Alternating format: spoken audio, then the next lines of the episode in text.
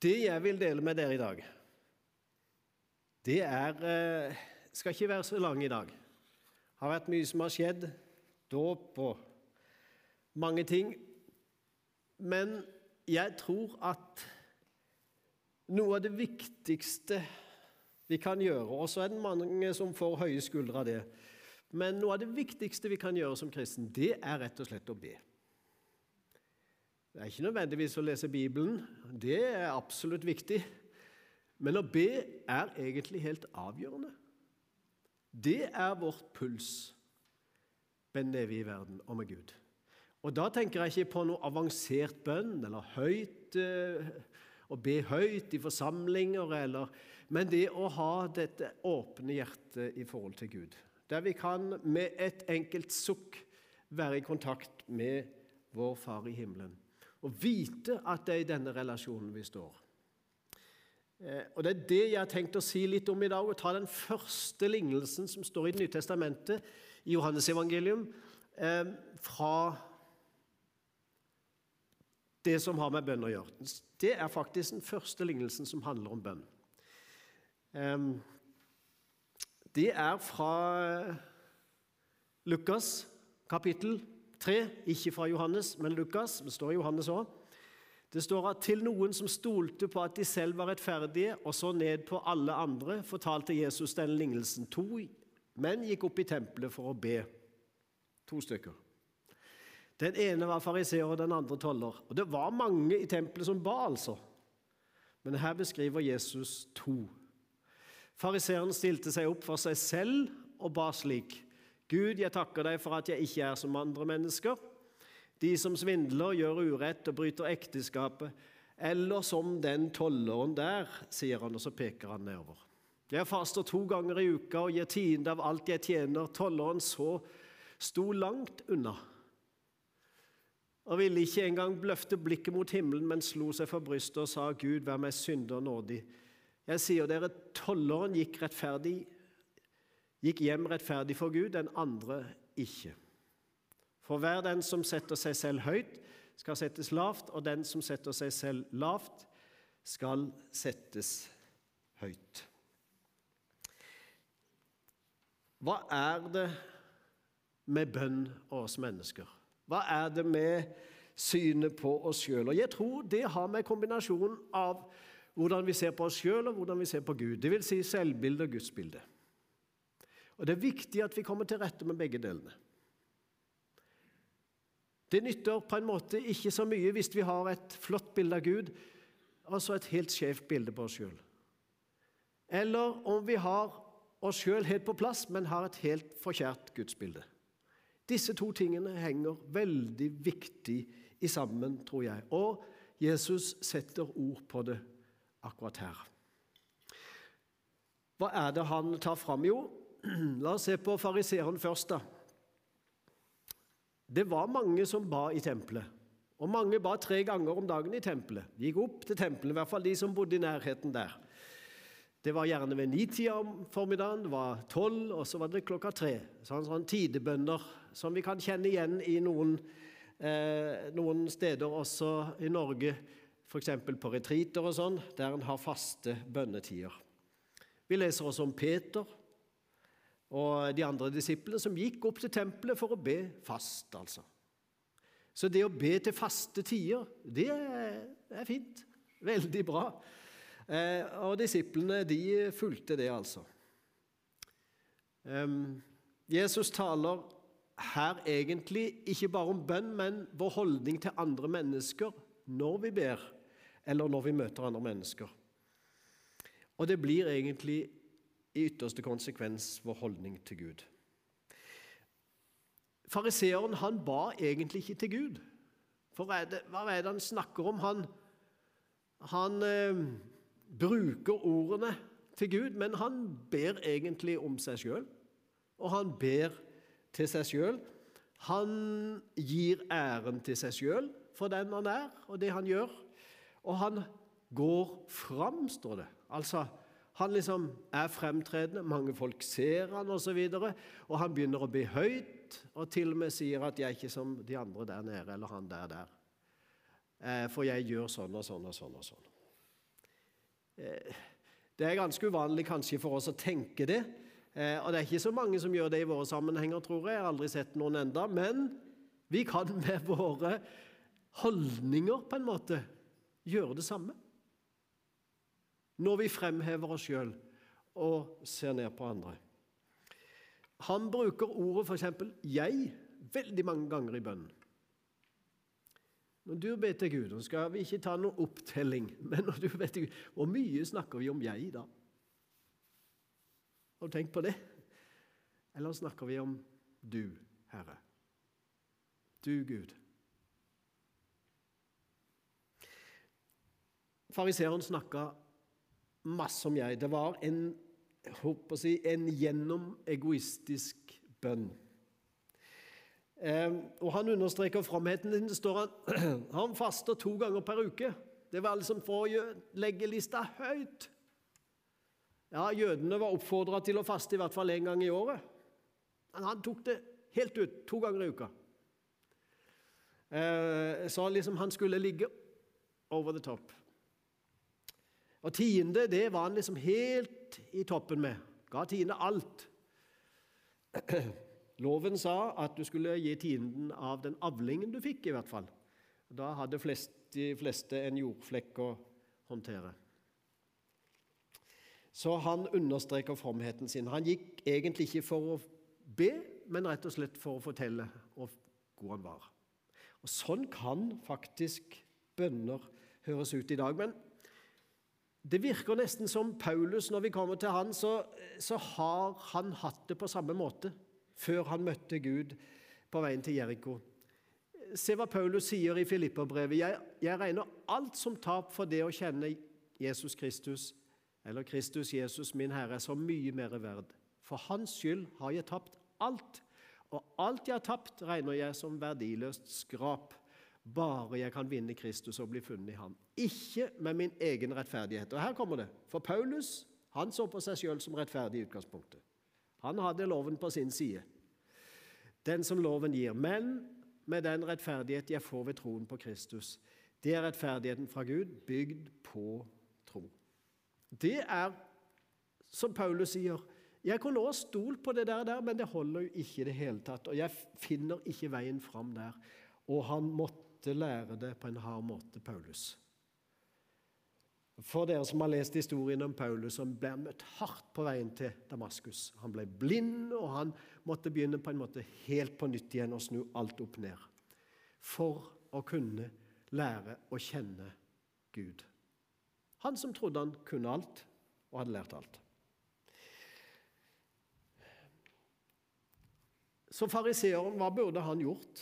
Og Nå kommer jeg med ordet 'burde'. Det er egentlig et fryktelig dårlig ord.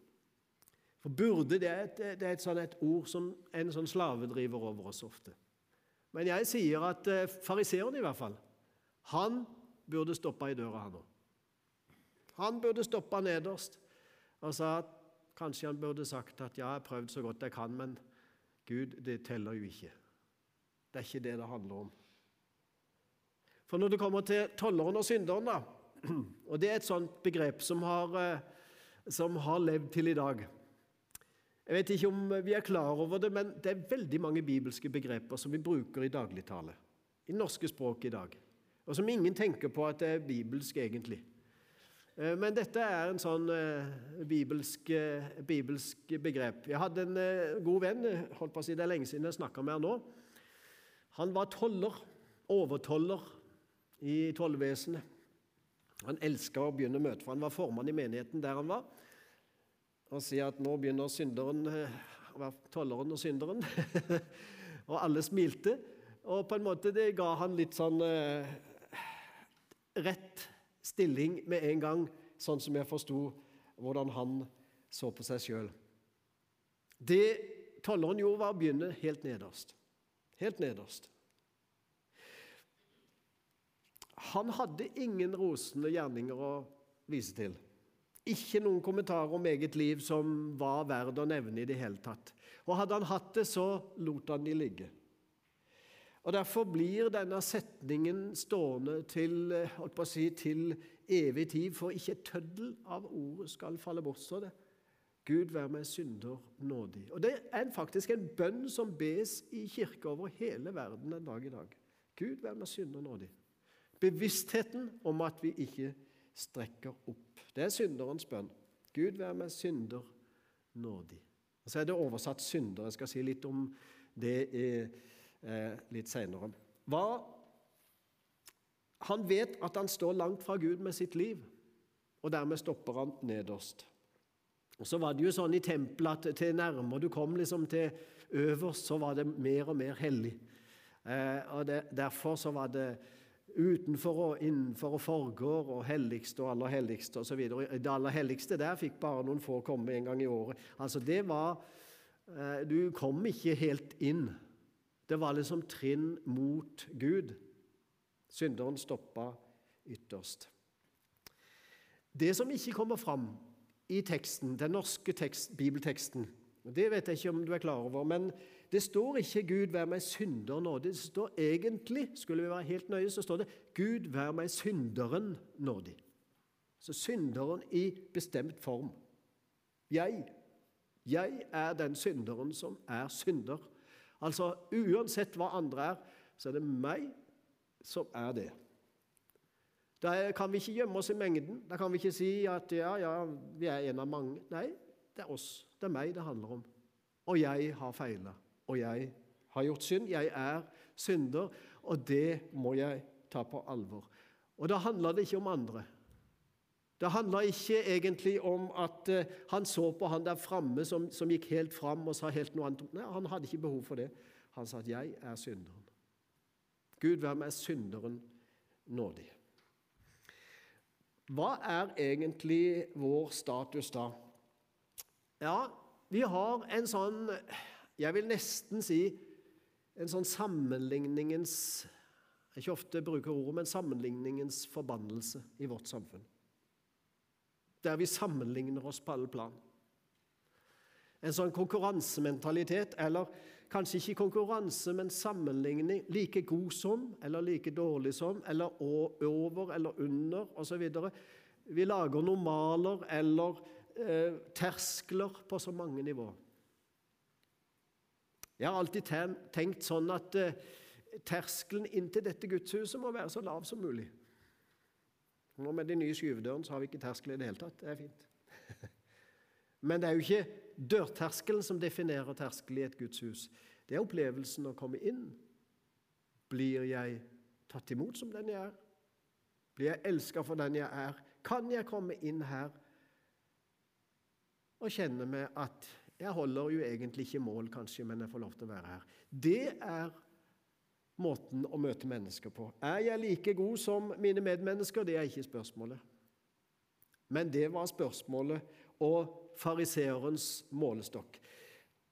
Vet du, Sammenligning det blir alltid et strev.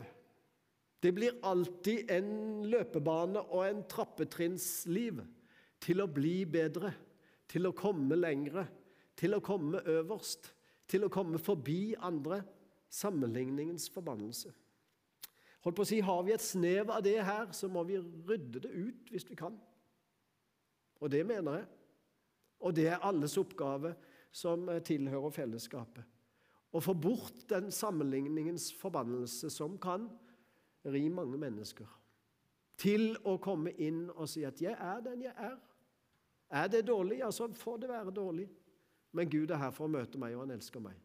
Har jeg kommet lenger, og har jeg blitt mer moden i troslivet og ellers, ja, så er det ikke tid for å holdt på å si, si at 'se her, jeg har fått det til', men så er det bare å være den jeg er da òg. Ikke drive med sammenligningen. Er jeg like god? Det var fariseerens opplegg for prøve. Og det er ofte verdens svar på om jeg er god nok for Gud.